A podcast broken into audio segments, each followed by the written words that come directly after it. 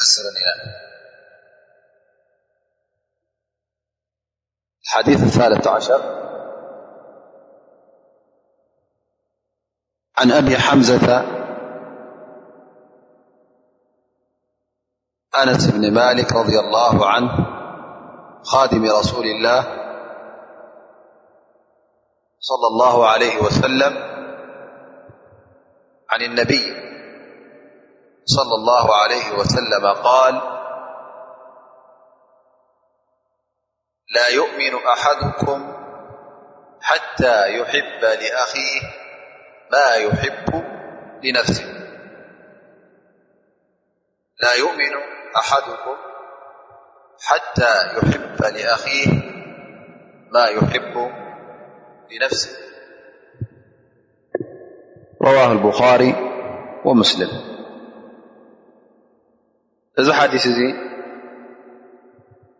ሕፅር ዝበለ ትርጉም ክንብ እንተ ኮይና እነቢ صለ ላሁ ለ ወሰለም ይብሉ ፍፁም ዝኾነ ይኹን ሰብ ካባኹም ማለት እዩ ሙእሚን ክበሃል ኣይከኣልን እዩ ክሳዕ ንሓዉ ከምቲ ንነፍሱ ልክዕ ዝፈትወላ ክፈትወሉ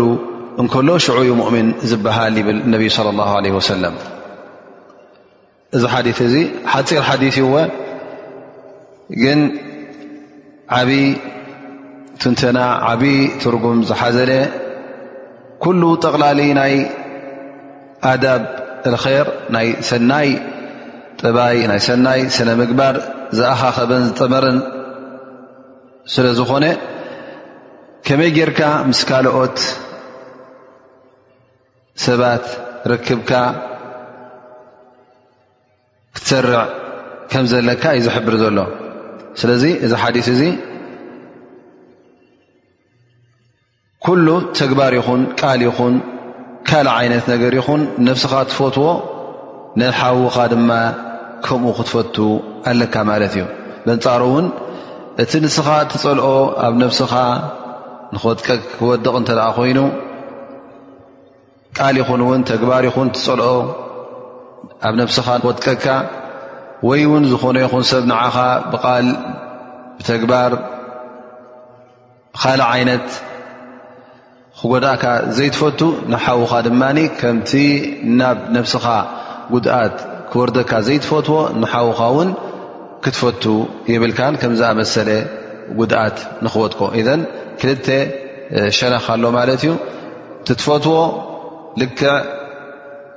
ከምቲ ነብስኻ ክትረኽቦ ትደሊ ከምኡ ትፈትወሉ ከምኡ ውን ከምቲ ነብስኻ ንክወርደካ ትፀልኦ ውን ከምኡ ትፀልኣሉ ኣለካ ማለት እዩ እዚ ሓዲስ እዚ እነቢይ صለ ላሁ ለ ወሰለም እዛ ሓዲስ እዚኣ ላ ዩእሚኑ ትብል ቃል ጀሚሮማ ላ ዩእሚን እዛ ቃል እዚኣ እንታይኣ ትሕብረና ዘላ ማለት እዩ እቲ ብድሕሪኣ ዝመፅእ ትእዛዝ እቲ ብድሕሪኣ ዝመፅእ ዘረባ ብሸርዒ እስልምና ዋጅብ ከም ምኳኑ ግዴታ ከም ምኳኑ እዩ ዘርእየና ዘሎ ስለዚ እቲ ብድሕሪኣ ላ ዩእሚኑ ኣሓድኩም ክብለና ከሎ ማለት ክሳዕ መዓስ ክሳዕ እዝን እዝን ዝገብር እ እቲ ብድሕሪኣ ላ ዩእሚኑ ም ነቢ ለ ላ ሰለም ክጠቕስዎ ከለዉ እቲ ብድሕሪ ዝዘረባ ዝመፅ ዘሎ ግዴታ ክግበር ዘለዎ ነገር ማለት እዩ ቃላዊ ኮይኑ ተግባራዊ ኮይኑ እዚ ግዴታ እዚ ናልባሽ ዋጅብ ኢጃብ ፈርዲ ክኸውን ይኽእል ከምኡ እውን ሙስተሓብ ፍቱው ኣብ ሸርዒ እስልምና ክኸውን ይኽእል ብ እታ ኣጀማምራ ናታ ሓያል ኣጀማምራ ብ ነቢ ለ ላ ለ ወሰለም ጀሚሮማ ዘለዉ ላ ይእምኑ ብማዕና ነፍየ ልኢማን ኢማን የብሉን ኢሎም ጠቒሶማ ማለት እዩ ብ ዑለማ ክፍስርዋ እንከሎ እዚ ክበሃል እንከሎ ኢሎም ኢማን የብሉን ክበሃል እንከሎ ኩሉ ቲ ኢማን ተነፂጉ ማለት ኣይኮነን ማለት ብፍፁም ኢማን የብሉን ማለት ኣይኮነን እንታይ ደኣ ሃذ ቃሉ ልነፍዪ ከማል ልኢማን ኣልዋጅብ ማለት እቲ ግቡእ ሙሉእ ኢማን እዚ ሰብ እዚ ኣይረኸበን ኣሎ ማለት እዩ እዚ ሰብ እዚ እዚ ከምዚ ዘይገብር ሰብ ወይ ከዓ እዚ እነቢ ስለ ላ ለ ሰለም ላ ይእሚኑ ዝብልዎ ዘለዉ መዕናሃ ትርጉሙ ማለት እቲ ኢማኑ ሙሉእ ኢማን ኣይኮነን ከምቲ ግቡእ ከምቲ ኣላ ስብሓን ወተላ ዝኣዘዞ ኢማን ኣይኮነን ማለት እዩ ድኣ እምበር እዚ ሰብ እዚ ካብ ኢማን ወፅኡ ናብ ክሕደት ሰጊሩ ማለት ኣይኮነን እታ ቀንዲ ነጥቢ ተርእየና ዘላ እዚ ዝረባ እዚ ነታ ጉዳይ የትርር ኣሎ ማለት እዩ ላ ዩእሚኑ ክበሃል ከሎ እቲ ዝጥቀስ ዘሎ ብድሕሪያ ቀሊል ነገር ከም ዘይኮነ ንምሕባር እዮም እነቢ ስለ ላ ሰለም ላ ዩእሚኑ ኢሎም ዘለዉ ስለዚ እዚ ኣዘራርባ እዚ ማለት እቲ ብድሕሪያ ዝመፅእ ዋጅብ ስለ ዝኾነ እዩ ዳኣ እምበር ቀሊል ነገር ፎኪስ ነገር ነይሩ እንተዝኸውን ብናይ ኢማን የብሉን ኢማኑ ጎደሎ እዩ ብዝብል ቃል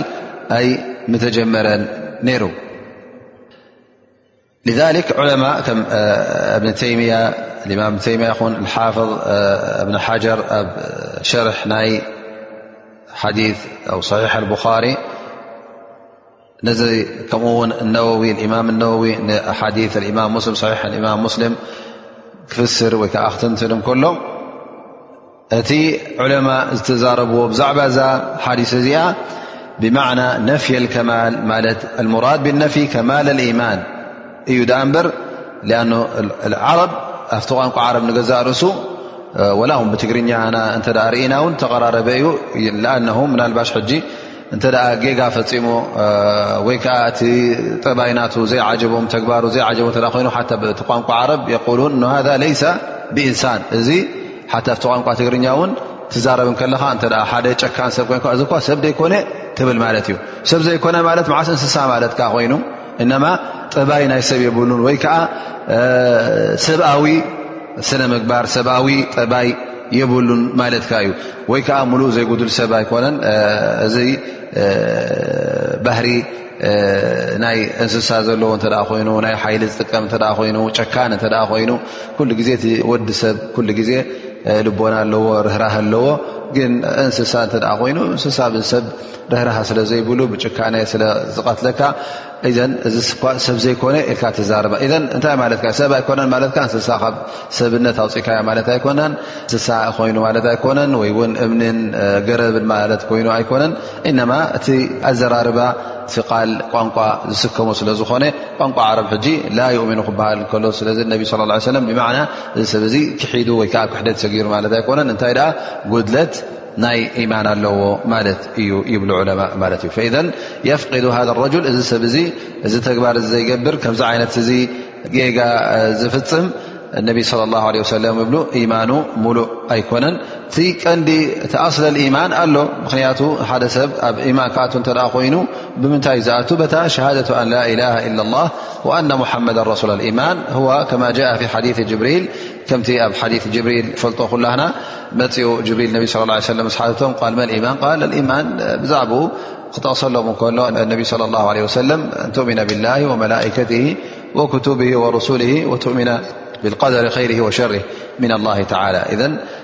እዚ እቲ ገዛእ ርእሱ እቲ ኣርካን ልኢማን ዝበሃል እቲ ኢማንካ ብቐንዱ ብኡ ተኣሳሰረ ስለ ዝኾነ እዚ እቲ ቐንዲ ክርከብ እንከሎ ድሕሪኡ እቲ ካልእ ዓይነት ሰናይ ተግባራት እትገብሮ ኩሉ ኣብ ምንታይ እዩ መመላእታ ነቲ ኢማንካ ዝውስኽን ንዕኡ ዝምልእን ማለት እዩ ከምቲ ዑለማ ኣህል ሱና እውን ዝብልዎ ኣልኢማን የዚዱ ብጣዓ ወየንቁሱ ብልማዕስያ ኩሉ ግዜ ኢማን ወዲ ሰብ መዓስ ኢኻ ሙሉእ ኢማን ኣለዎ እትብሎ እዚ ሰብ እዚ ኩሉ ተግባራቱ ኣብ ረቢ ዝፈትዎ ጥራይ ክኸውን እንከሎ ምእዘዛ ኣላ ስብሓን ወተላ ከዘውትር እንከሎ ምእዘዛ ነቢና ሓመድ ለ ላ ለ ወሰለም ከዘውትር እንከሎ ሽዑ እንታይ ይበሃል እዚ ሰብ እዚ ሙሉእ ኢማን ኣለዎ ትብል ማለት እዩ እንተ ካብዚ ትእዛዛት ኣላ ስብሓን ወተላ ካብ ትእዛዛት ነቢና ሓመድ ለ ላ ለ ወሰለም ክወፅእን ክሰግርን እንተ ረኪብካያ ድማ እዚ ምልክት ናይ ምንታይ ይብሉ ምልክት ናይ ضዕፈ ኢማን ድኽመት ናይ ማን ውሕደት ናይ ኢማን እዩ ይብሉ ማለት እዩ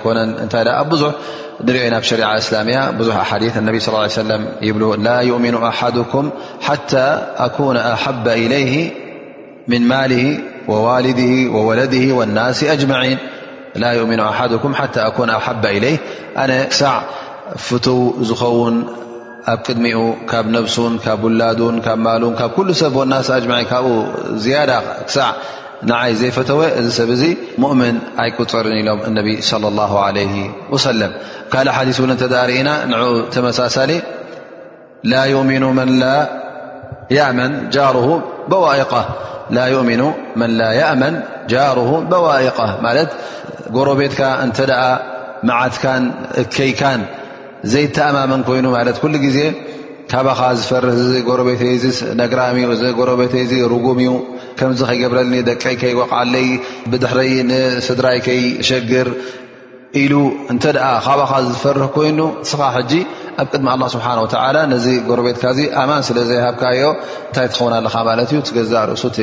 ኢማንካ ጉድለት ይርከበሎ ማለት እዩ ከምኡውን እዚ ሓዲስ ልማዓት ዝቐረእናዮ ዘንበብናዮ ላ ዩእሚኑ ኣሓድኩም ሓታ ይሕባ ሊኣኺ ማ ይሕቡ ንፍሲ ብ ከምቲ ዝበልናዮ እዚ ሓዲስ እዚ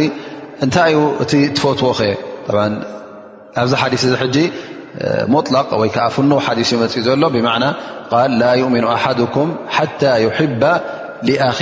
ማ ይሕቡ ንነፍሲ እንታይ እዩ ትሰናይ እንታይ እቲ ነገራት እትፈትዎ ነብስኻ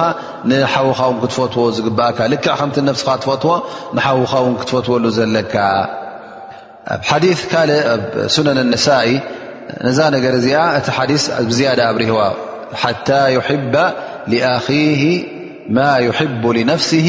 ምና ልኸይር ማለት ኣብዚ ሓዲስ እዚ እታ ትፍቶ ነገር እንታይ እቲ ሰናይ ዝሃ ዘብ ር ዘብኡ ር ድማ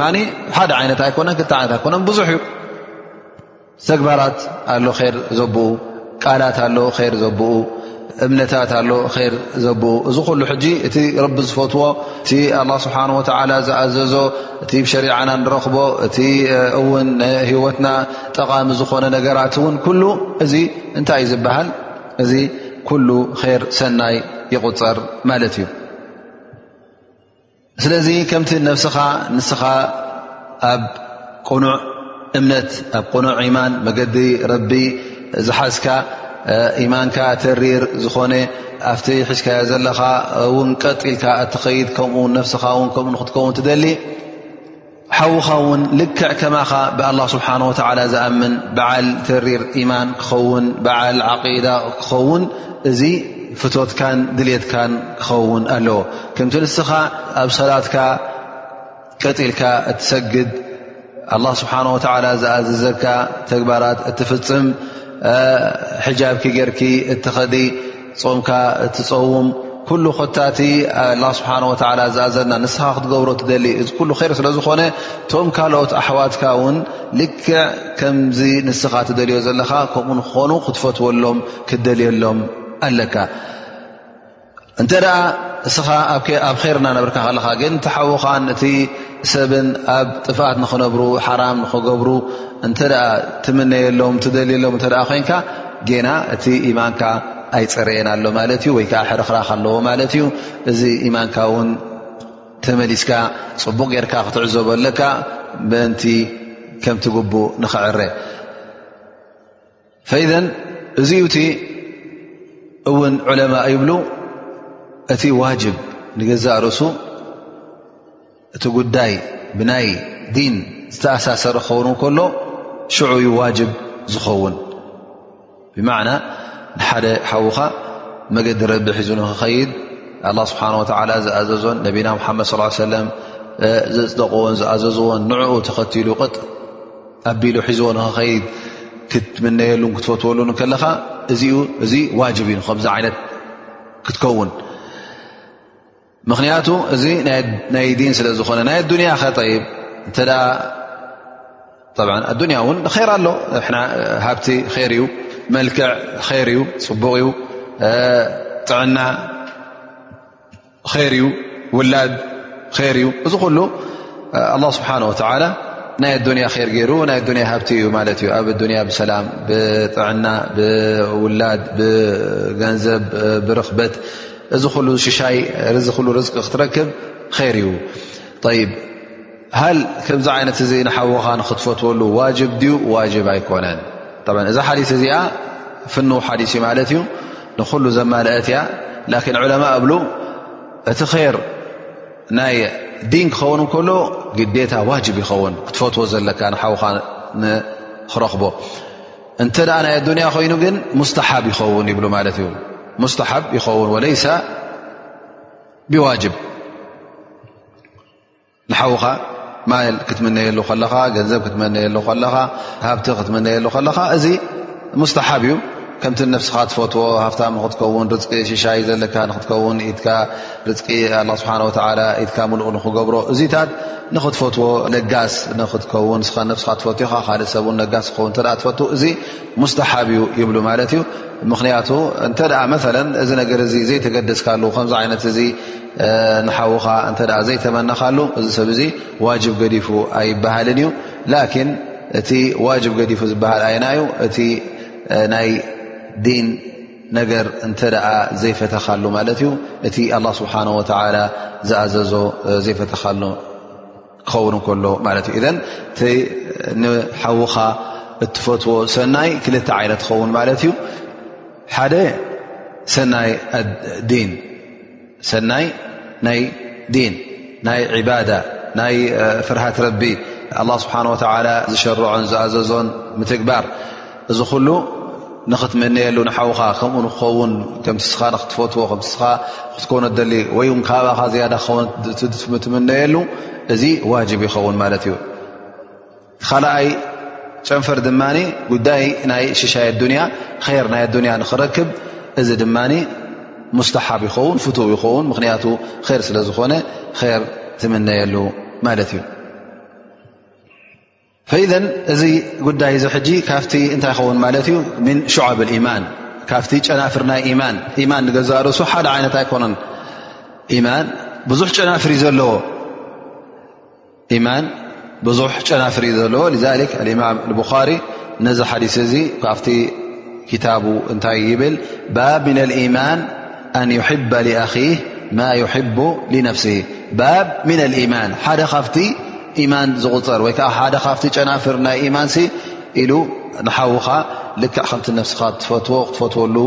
ኢሉ እማም ኣልቡኻሪ ኣርእስቲ ገይሩ ማለት እዩ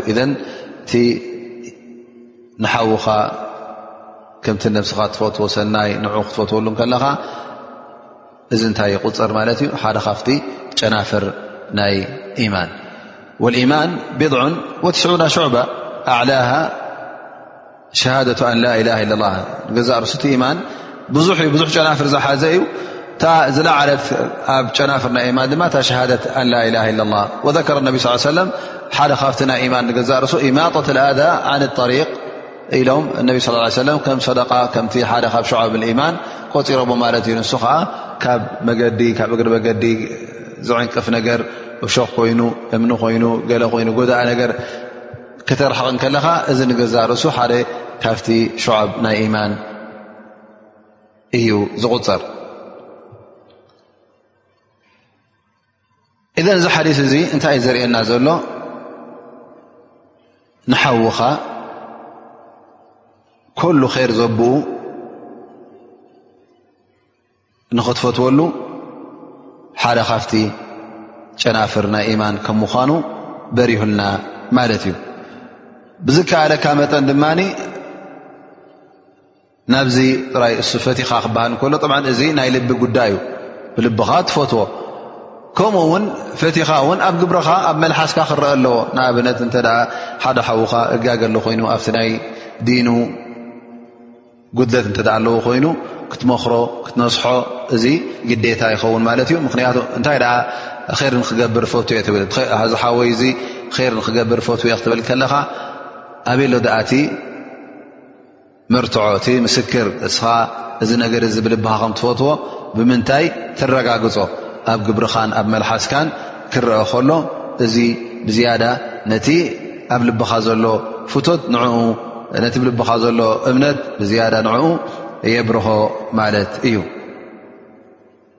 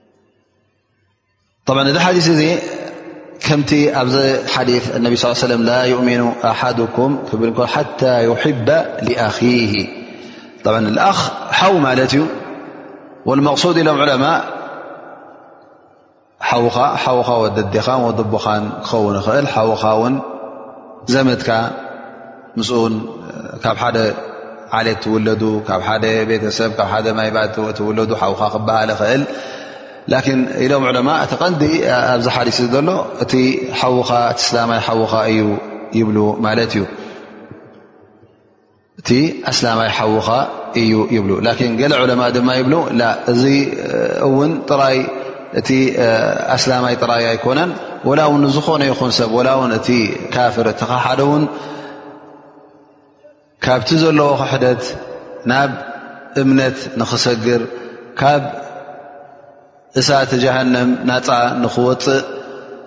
ልክዕ ከማኻ ከምትስኻ ናፃ ወፅእካዮ ዘለኻ ንኽትፈትወሉ እውን እዚ ኣድላይ እዩ ማለት እዩ ስለዚ እቲ ር ኣስላማይ ኩሉ ግዜ ጥራይ ነቶም ኣስላም ኣሕዋት ይኮነን ነቶም ዘእስላም እውን ር ይምነየሎም እዩ ር ይደል ይፈትወሎም እዩ ካብቲ ጥፍኣት ዘለዎ ካብቲ ክሕደት ወዲቖሞ ዘለዉ ካብኡ ወፂኦም ካብቲ መገዲ ፀልማት ናብ መገዲ ብርሃን ንክሰግሩ ካብ መገዲ ጥፍኣት ንመገዲ ሓቂ ንክሒዞም ንክኸዱ መጨረሽቶኦም ውን መዓልቦኦም ውን ኣብ ክንዲ ንእሳት ጀሃንም ንስቓይ ዝኸውን ንጀና ንገነት ንክኸውን እዚ ፍቶትካ ክኸውን ኣለዎ ስለዚ ይብሉ እዛ ሓዲስ እዚኣ ሓታ ዩሕባ ሊኣኺ ክብሉ ከሉ ነቢ ስ ሰለም ሊኣኺ ልእንሳን ነቲ ሰብ ከምኡ ሓዉ ንዕኡ ር ክፈትወሉ ከም ዘለዎ ትሕብረና ማለት እያ ይብሉ ማለት እዩ ፈዘን ንኩሉ ኣካቢት እያ ንኩሉ እውን ምክንያቱ እቲ ዳዕዋ እቲ ር ንኩሉ ንደልዮ ስለ ዝኮና እስላማይ ውን ር ናብ ኩሉ ክበፅሕ ስለ ዝደሊ እቶም ዝኣበዩ ባዕሎም ፈልጡ ላኪን ንስኻ ኣንታ እስላማይ እቲ እምነትካን እቲ ተልእኾኻን ኩሉ ግዜ ንኼር ስለ ዝኾነ ንኹሉ ዓለም ኼር ክትፈትወሉ ኣለካ ካብቲ ወዲቕዎ ዘለዎ ውን ክትስእን ካብቲ ዘለዎ ህልቀት ውን ንኽሓዊ ድልትካ ክኸውን ኣለዎ ፍትወትካ ክኸውን ኣለዎ ይ ካብዚ ምዚ ተኣሳሰረ ጉዳይ ምናልባሽ ሓንቲ ነጥቢ ክንጠቕሳ እንኽእል ብ ቋንቋ ዓረብ ይብልዎ መስኣለት ኢር ኢር ማለት ከዓ ኣብ ክንዲ ንዓይ ኢልካ ንሓውኻ ቀዳምነት ንኽትህብ ንዕኡ ንኽትሐልፍ ማለት እዩ ፈዑለማ ብዛዕባ እዛ ጉዳይ እዚኣ ተዛሪቦም ኣብ ክልተ ከም ዝምቀል እውን እዚ ጉዳይ እዚ ሓቢሮም ማለት እዩ ضየት ልኢታር ፈቃሉ እንታይ ኢሎም ሁናከ ኢታሩ ብልቁረብ ወኢታሩ ብእሙር ኣዱንያ ንሓዉኻ ሕጂ ንዕኡ ኣሕሊፍካ ቀዳምነት ክትህብ ከለኻ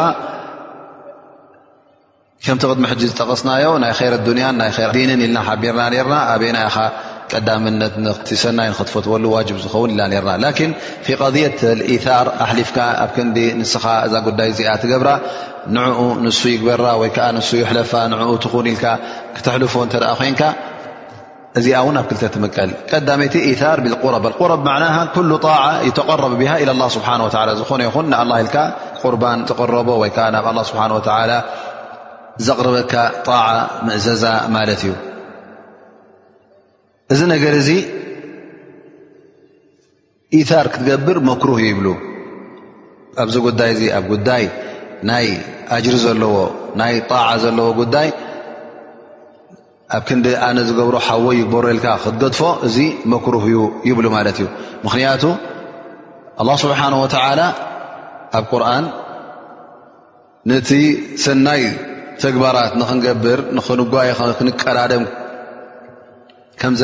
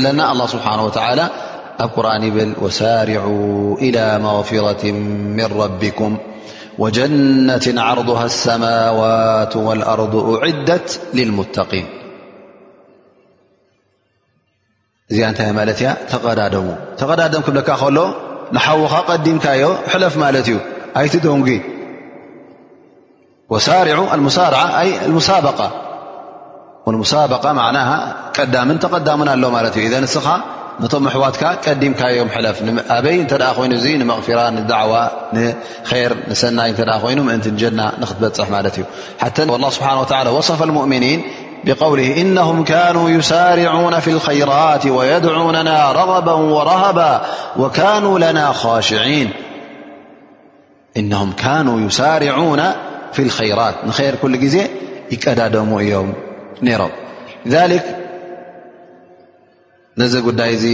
እንተ ኣብነት ክንብ እተ ኮይና ንኣብነት ስኻን ሓደ ዓርክኻ ኮይኑ ሓውኻ ኮይኑ ንመስጊድ ኣትኹም እሞ ሓደ ሓደ ግዜ ካልኣይ መስርዕ ብ ካልኣይ ሰፍ ኮይንካ ትሰግድ ፀንሕ ሕጂ እንታይ ትርከብ ማለት እዩ ምናልባሽ ኣብቲ ቀዳማይ ሰፍ ፉርጃ ከፋት ይርከብ ጋብ ይርከብ ነዚ ጋብ እዚ ሕጂ ክትዓፅዎ ቀዳማይ ሰፍ ንክትኣት ማለት እዩ ኣብዚ ሰዓት እዚ ሓደሓደ ግዜ እንታይ ንርኢ ማለት እዩ ንዓስኻ ድሓነ ሕለፍ ቅድመይ ንዓስኻ ሕለፍ እብ እስኻ ባ እስኻ ባ በሃሉ ማለት እዩ የቁል ዑለማ ሶፍ ኣወል ቀዳማይ መስርዕ ፈል ኣጅሪ ስለ ዘለዎ እዚ ጉዳይ እዚ ክትገብር መክሩህ ይብሉ ምክንያቱ እንተ ተረኺባ እስኻ ተቀዳዲምካ ክትሓልፋ ኣለካ እስኻ ተቀዳዲምካ ክትሓልፋ ኣለካ ማለት እዩ እዚ ሓደ ካብቲ ምክንያቱ እተ መለ ንኣብነት እውን ኢሎም ሓደ ሰብ እንተ ሽግር ወዲቁ እሞ ኣብዚ ሽግር እዚ ገለ ገንዘብ ሚቲ ኮይኑ ሽሕ ኮይኑ የድልያን ኣለዋ እተ ዝብል ኮይኑ ሃል እስኻ ሕጂ ንካልእ ሰብ ንዓ እስኻ ያ ፍላን እዘን ሽሕ ቅርሺ ዘን ቲ ቅርሺ እስኻ ክፈለን ምእንቲ እስኻ ክትረክብ ኣጅሪ ኣነ ድሓነይ ኣለኒ ገንዘብ ግን ኣጅሪ ምእንቲ ንዓኻ ክኸውን ኣሕሊፈካ ኣለኹ ትብሎ ዘይከውን ነገር ማለት እዩ ምክንያቱ ነዚ ነገር እዚ ንስኻ ክትቀዳደም ኣለካ እቲ ኣጅሪ ንስኻ ክትከስቦ ክትቀዳደም ኣለካ ዳኣ እምበር ንካልእ ኣሕሊፍካ ኣይትቦን ኢኻ ስለዚ እዚ ከምዝኣመሰለ ተግባር ይብሉ ዕለማ እንታይ እዩ መክሩህ እዩ ይብሉ ማለት እዩ ካልኣይ ዓይነት ኢር ኣልኢታር ብእሙር ዱንያ ብዛዕባ ጉዳያት ናይ ኣዱንያ እተ ኮይኑ ኣሕሊፍካ ንሓዉኻ ቀዳምነት ክትህብ እዚ ፍቱው ይኸውን ማለት እዩ ሰዋእን እዚ ነገር እዚ ገንዘብ ኮይኑ ዝብላዕ ዝስተ ዝስረር ካልእ ዓይነት ኮይኑ ገዛ ንክትኣት ከለኻ ን ቀዲምካ ስካኣውቶ ኮፍ ክብል እተ ኮይኑ ዝበለፀ ኮፍ መበሊ እተ ገዲፍካ ንዑ ክትብ እተ ኮንካ ወይከዓ ንስኻ ኣዕርፍ ኣነ ክሰርሕ ኣነ ክክድመካ ኢልካ እተ ንሱ ዓሪፉ ንስኻ ትክድሞ እተ ኮንካ እዚ ሙስተሓብ እዚ ፍትው እዩ እዚ ዩ እቲ ኣላ ስብሓን ወላ ዝፈትዎ ክ ኣላ ስብሓን ወላ ነቶም ሙእምኒን ክገልፆም እንከሎ ኣብ ሱረት ሓሽር ይብል ካስተንቶም ኣንሳር ነቢ ለ ላ ለ ወሰለ ኣንሳር እቶም ሙሃጅሪን ምስ መፁ ከመይ ፅቡቅ ገይሮም ስለ ተቐበልዎም ክሳዕ ክንደይ እውን ቀዳምነት ሂብዎም ከም ዝነበሩ ኣብዚ ኣያ እዚኣ ኣላ ስብሓን ወላ ሓቢሮ ይቕውል ወለነ ተበዋኡ ዳራ ወልኢማን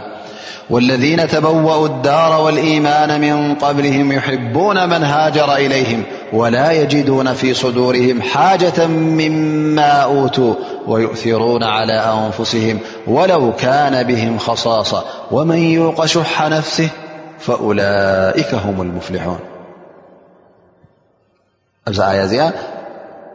እንታይ ዘርእና ዘሎ ኣላ ስብሓን ወላ ወለذነ ተበው ዳር ወልኢማን ቡና መን ሃጀረ ወላ የጅዱና ፊ ስዱርህም ሓጀة ምማ ቱ ወዩእሩና ዓላى ኣንፍስህም ኩሉ ግዜ ነብሶም ፀቒጦም ኣብ ናይ ኣዱንያ ነገር ማለት እዩ ኣብ ናይ ዝብላዕ ነገር ኮይኑ ዝስተ ነገር ኮይኑ ካልእ ዓይነት ሽሻያት ኮይኑ ኣብ ክንዲ ቀዳምነት ንዕኦም ንና መጀመርያ ብላዕሊ ተረፍና ንቦም ዝብሉ ላ መጀመርያ እቶም ኣሕዋትና ንሶም ይርከቡ ንሶም ይብልዑ ንሶም ይስተዩ ኢሎም የሕልፍዎም ስለ ዝነበሩ እዚኦም ሕጂ ኣላ ስብሓን ወተዓላ ኣብዛ ኣያ እዚኣ ወዲስዎም መጒስዎም ነቶም ኣንሳር ኣብ መዲና ዝነበሩ ነቶም ሙሃጅሪን እተቐበሉ እዘን እዚ ቲ ሕበ ር ንካልእ ዝበሃል ኣብቲ ናይ ኣዱንያ ክኸውን ከሎ ከመይ ጌርካ ትፈትወሉ እቲ ናይ ኣጅር ዘለዎ ነገር ድማ ክትቀላለ ከም ዘለካ በሪህልና ክኸውን እንሻ ላ ይትምነ ሰለፍ ሳልሕቶም ቅድሜና ዝነበሩ ነዚ ሓዲስ እዚ ክርድእዎ ከሉ ወይከዓ ከምዝኣመሰለ ተግባራት እውን ኣብ ግብሪ ክውዕልዎ ከለዉ እተ ክንዕዘብ ኮይና ትምልስ ኢልና ኣብ ገለገለ ኣሓዲ ንረኽቦ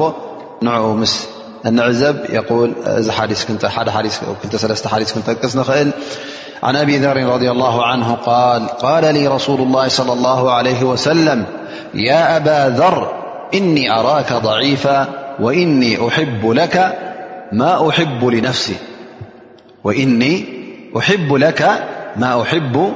لنفسي لا تأمرن على اثنين ولا تولين مال يتيم النبي صلى الله عليه وسلم نا أبوذر بل يا أبا ذر أن بتزركذلخ سنفخا ኣነ ድማ ልክዕ ከምቲ ንዓይ ዝፈትዎ ንዓኻ ፈትወልካ እየ ብማዕና ከምቲ ኣነ ር ክገብር ዝደሊ ኣብ ጌጋ ክወድቕ ዘይደሊ ኣነ ውን ንስኻ ልክዕ ከምኡ ር ንክትገብር ሓያትካ ኩሉ ሂወትካ ኩሉ ኣጅሪ ዝመልኦ ካብ ዘንብን ካብ ጌጋን ዝረሓ ክኸውን እፈትወልካ እየ ወእኒ ቡካ ማ ቡ ንነፍሲ ሽዑ እንታይ ኢሎም ወሲኦ እሞ ላ ተእመረና ኣው ላ ተእመረና ዓላ እነይን መሪሕነት ወላ ናይ ክልተ ሰብ መሪሕነት ኣይትሰከም መራሒኦም ኣይትኾን ከምኡ ውን ገንዘብ የቲም ሕድሪ ኣይትቀበል ገንዘብ የቲም ሕድሪ ኣይትቀበል ወይ ከዓ ናይ ገንዘብ የቲም ሓላዊ ኣይትኹን ወሊ የቲም ኣይትኹን ስለዚ ኣነ ርእካ ኣለኹ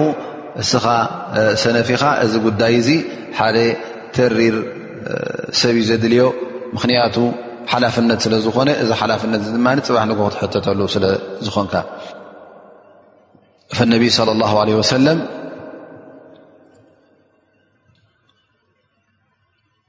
ኣብዚ ሓዲስ እዚ እንታይ የርእዩና ኣለዉ ቀዳማይ ነገር ነቶም ብፆቶም ነቶም ሰዓብቶም ልክዕ ከምታ ነብሶም ር ዝፈትውላ ዝነበሩ ውን ር ይፈትልዎም ከም ዝነበሩ እሱ ስለ ዝኾነ ድማ ኩሉ ግዜ ንመገዲ ኼር ይሕብርዎም ነይሮም እንተ ደኣ ገለገለ ገበናት ርኦም ገበን እዚ ገበን እዩ እዚ ጌጋ እዩ ኣይትግበርዎ ይብልዎም ወስያ እናሃቡ ሕድሪ እናሃቡ ድማ ከምዚ ንኣብዘር ዝቦ ዝነበሩ እቲ ኣብ ልቦም ዝነበረ ፍቕርን ፍቶትን እውን ኣብ ተግባር ይትርጉምዎ ነይሮም ኣብ ተግባሮም እውን ይረአ ነይሩ ማለት እዩ ሙሓመድ እብኒ ዋስዕ ካነ የቢዑ ሒማራን ሓደ ግዜ ሙሓመድ እብኒ ዋስዕ እዚ እውን ሓደ ካብቲ ነዚ ሓዲስ እዚ እቶም ቅድሜና ዝነበሩ እቶም ሰለፍ ሳልሕ ዝነበሩ ከመይ ገይሮም ከም ዝተርጎምዎን ከም ዘተግበርዎን ክንርኢ እንተ ኮይና እዚ መሓመድ እብኒ ዋስዕ ዝበሃል ኣድጊ ነይርዎ እዚ ኣድግናቱ ንክሸጡ ዕዳጋ ወሪዱ ማለት እዩ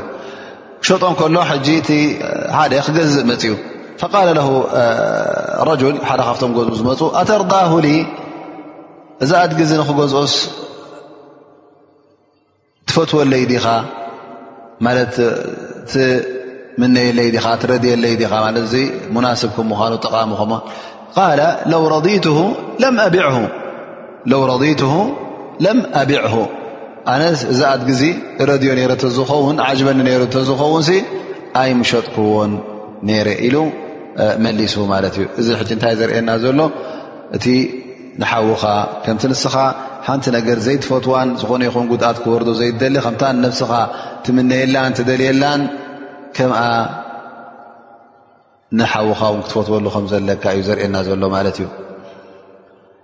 يقول ابن عباس ترجمان القرآن رض الله عنه إني لأمر على الآية من كتاب الله فأود أن الناس كلهم يعلمون منها ما أعلم ابن عباس رض الله عنه أو رضي الله عنه بل ቃል እዚ ካብቶም ውሩያት ንቁርን ዝትንትኑን ቁርን ዝርድኡን እዮም ነይሩ ፈይብል ኣነስ ቁርን ክቐርቡ ከለኹ ሓንቲ ኣያ ካብቲ ኣያት ላ ስብሓን ወላ ካብቲ ክታብ ላ ክቀርኣ ከለኹ እሞ እቲ ሓዚላቶ ዘላ ትርጉም እቲ ሒዛቶ ዘላ ፍረን ፋይዳታትን ኣነ ዝርድኦ ኩሉ ሰብ ከማይ ከምቲ ኣነ ዝርድኦ ገይሩ ንኽርድኦ ይምነ ይብል ማለት እዩ ፈኣወዱ ኣነ ናስ ኩሉም ያዕለሙነ ምንሃ ማ ኣዕለም ይብል ማለት እዩ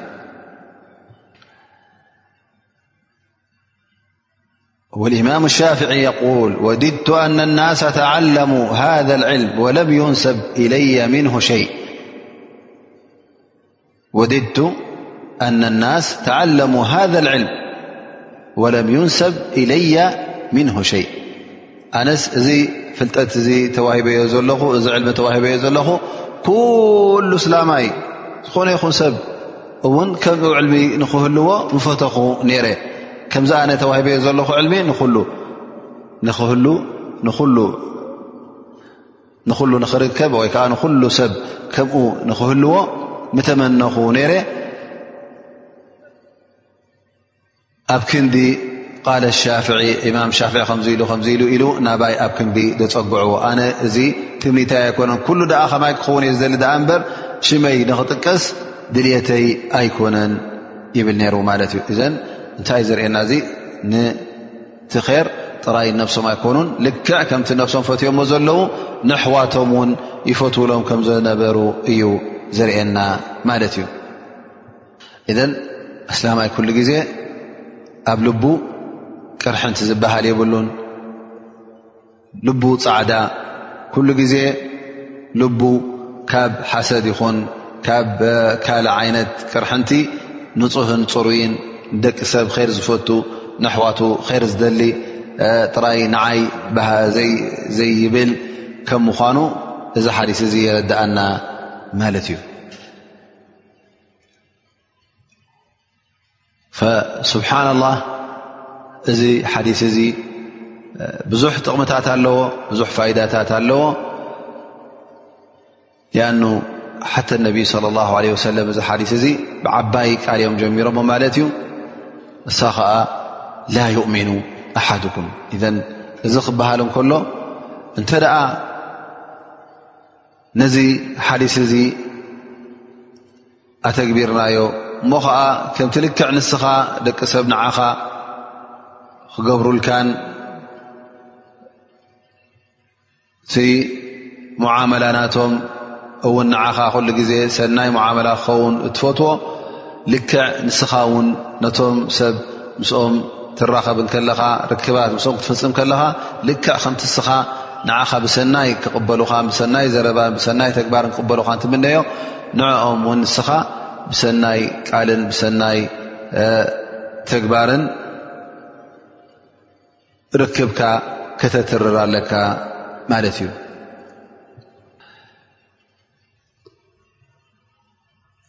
ኣብ መጨረሻ ሙምክን እቲ ፈዋይድ ናይ ሓዲስ እዚ ተን ቀንዲ ቀንዲ ፋይዳታት እንተ ክንጠቕሰን ኮይንና እዚ ሓዲስ እዚ ካብቲ ሒዝዎ ዘሎ ዓበይቲ ፋይዳታት ኣነነት ኣናንያ ማለት እዩ ኣብ እስልምና ፅሉእ ከም ምዃኑ እንታይ ደኣ ኩሉ ግዜ ከምቲ ሓደ ሰብ ር ነፍሱ ዝደልየሉ እቲ ር ናብ ኩሉ ክበፅሕ ኣብ ኩሉ ክዝርጋሕ ይፈቱ ማለት እዩ እዚ ድማ ኣብ ልብኻ ቅርሕንቲ ክህልወካ የብሉን ሓሰት ክህልወካ የብሉን ፅልኢ እውን ክህልወካ የብሉን እዚ ኩሉ ትስልምና ዝፅውዖን ዝደልዮን ይኸውን ማለት እዩ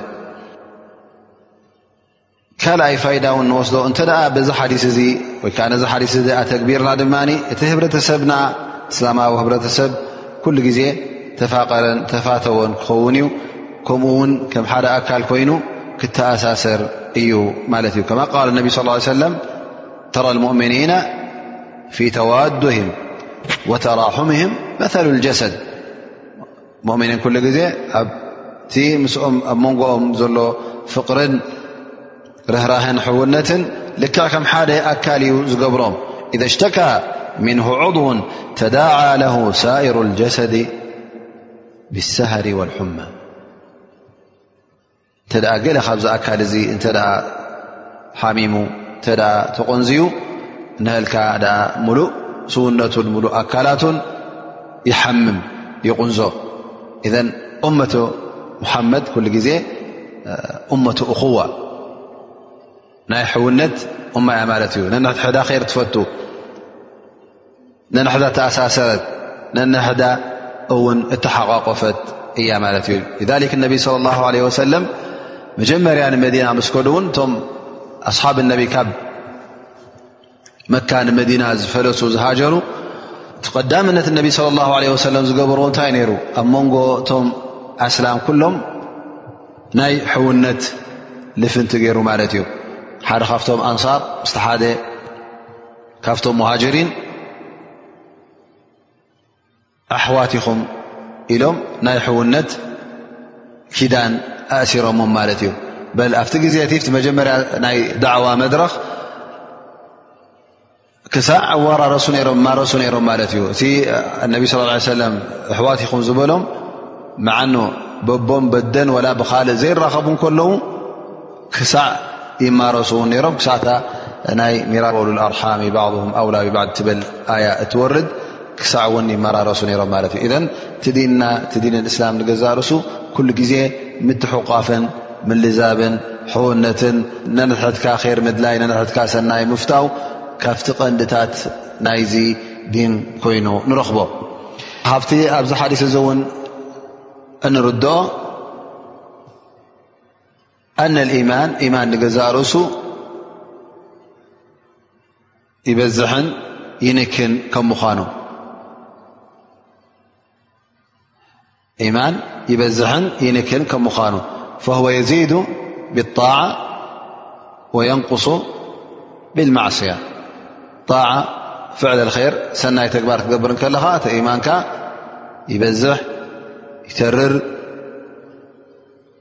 ይድንፍዕ ካብ መእዘዛ እውን ክትወፅእ እንከለኻ ቲኢማን እውን እና ተጨምደደ እና ላሕልሐ እና ደኸመ እውን ከም ዝኸይድ የርእና ማለት እዩ ነቢ ስ ሰለም ኣብዚ ሓዲስ እዚ ብዛዕባ ናይ ኢማን ላ ዩእሚኑ ክብሉ ከለዉ ከምቲ ዑለማ ዝሸርሕዎ ነፍዩ ከማሉ ኢማን ስለ ዝበሉና ምልኣት ናይ ኢማን እዮም ነቢ ለ ላ ለ ሰለም ነፂጎም ዳኣ እምበር ብኩሉ እቲ ኢማን ኣይነፀግዎን ኢሎም ስለ ዝተንተንዎ ብማዕና እቲ ኢማን ንገዛ ርእሱ ደረጃታት ከም ምኳኑ ተሪር ኢማን ኣሎ ብዙሕ ኢማን ኣሎ ድኹም ኢማን ሰነፍ ኢማን እውን ከም ዘሎ ኣብዚ ሓዲስ እዚ በሪሁልና ማለት እዩ نيلم معت درسنا إن شاء الله ثحر حدث ي بي ي دمدم أس الله سبحانه وتعالى أن ينفعنا بما سمعنا وأن يعدمنا ما ينفعنا وجزاكم الله خير اخوان على حسن استماعكم